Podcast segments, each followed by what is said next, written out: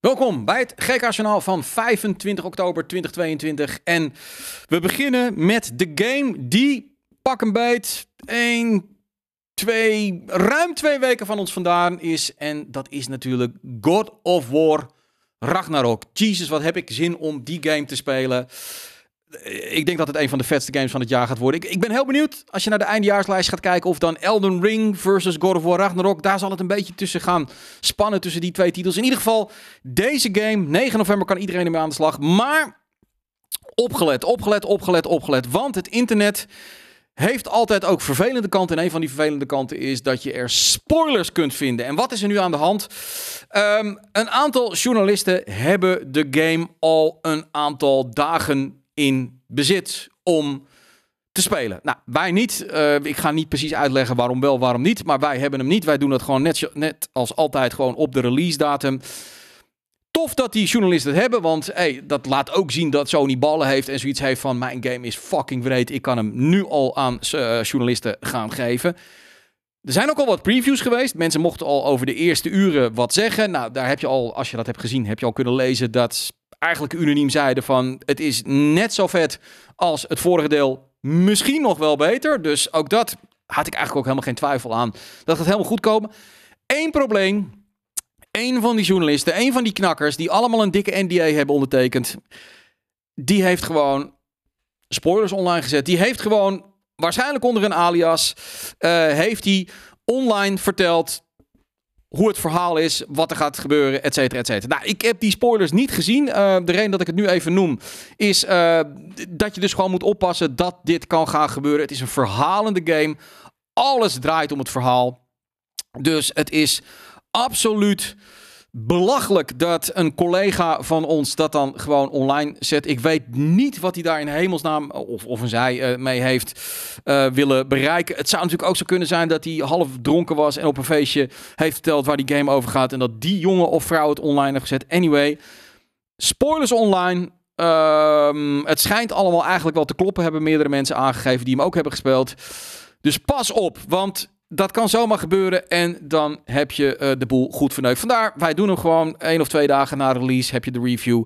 Want dan kun je ook gewoon uh, spoilervrij erin gaan. En ik weet het zeker al, de mensen die God of War Ragnarok willen spelen, die hebben hem dan al in bezit en waarschijnlijk ook al gespeeld. Goed.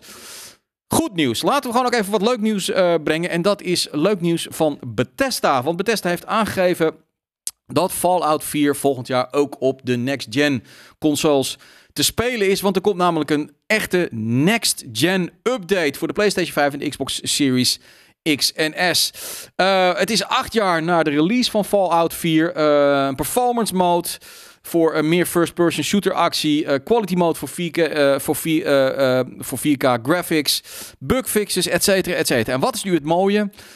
Het is gratis. Gratis voor iedereen. Voor de PlayStation bezitters en voor de Xbox bezitters.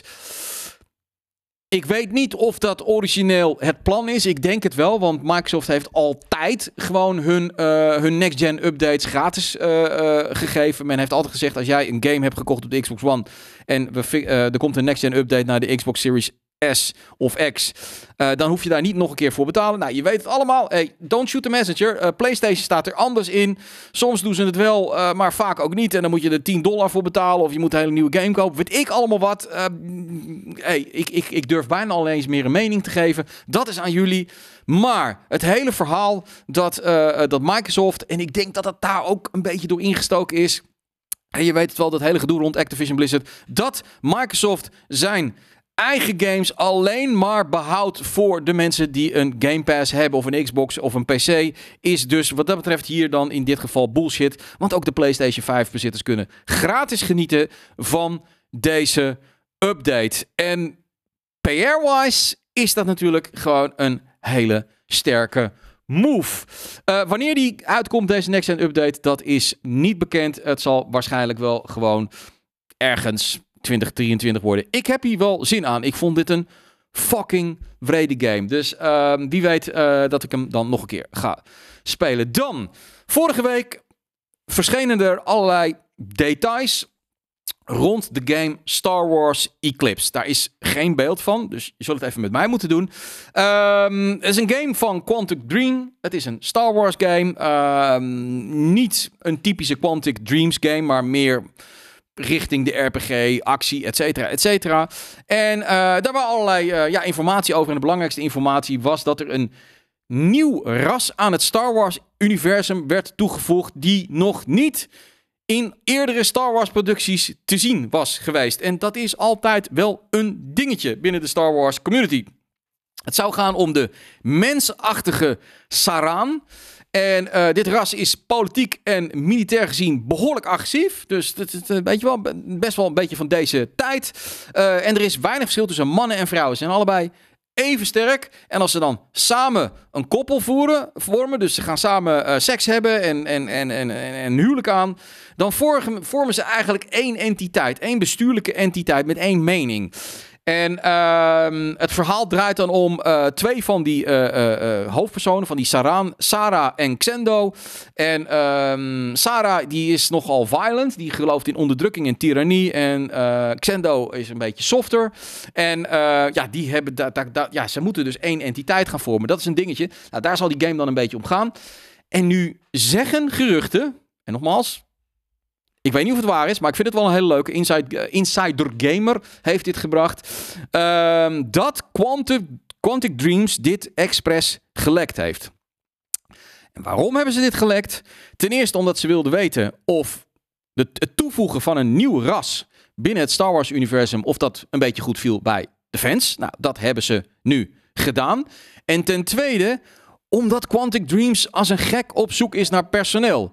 En um, de, ja, dan zou je zeggen, wat heeft dat ermee te maken? Nou, dat heeft ermee te maken. Ze moeten die game natuurlijk afmaken. En Quantic Dreams is in het nieuws geweest de laatste tijd als een bedrijf waar behoorlijk toxic tekeer is gegaan.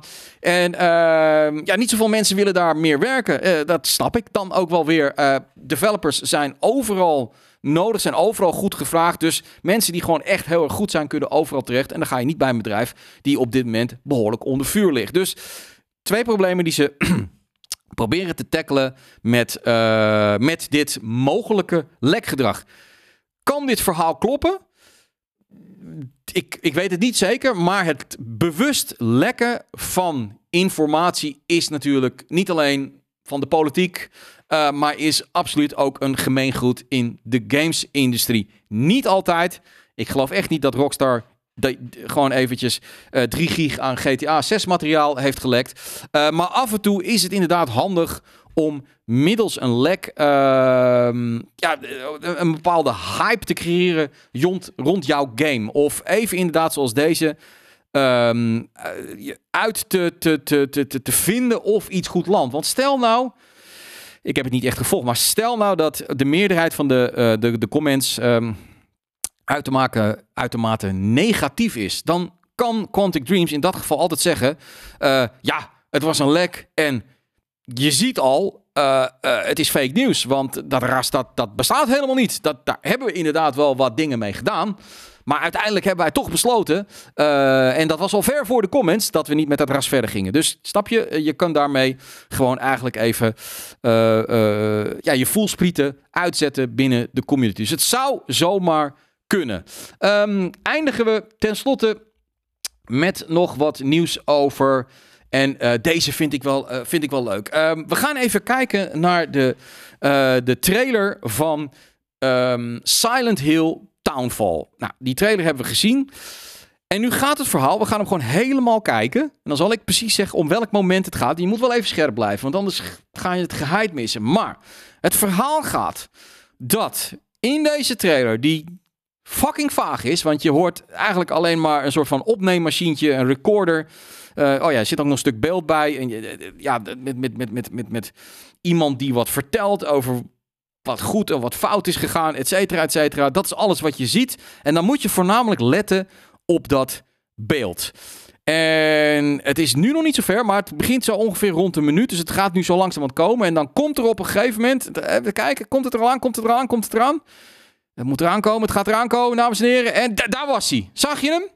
Zag je hem voorbij komen?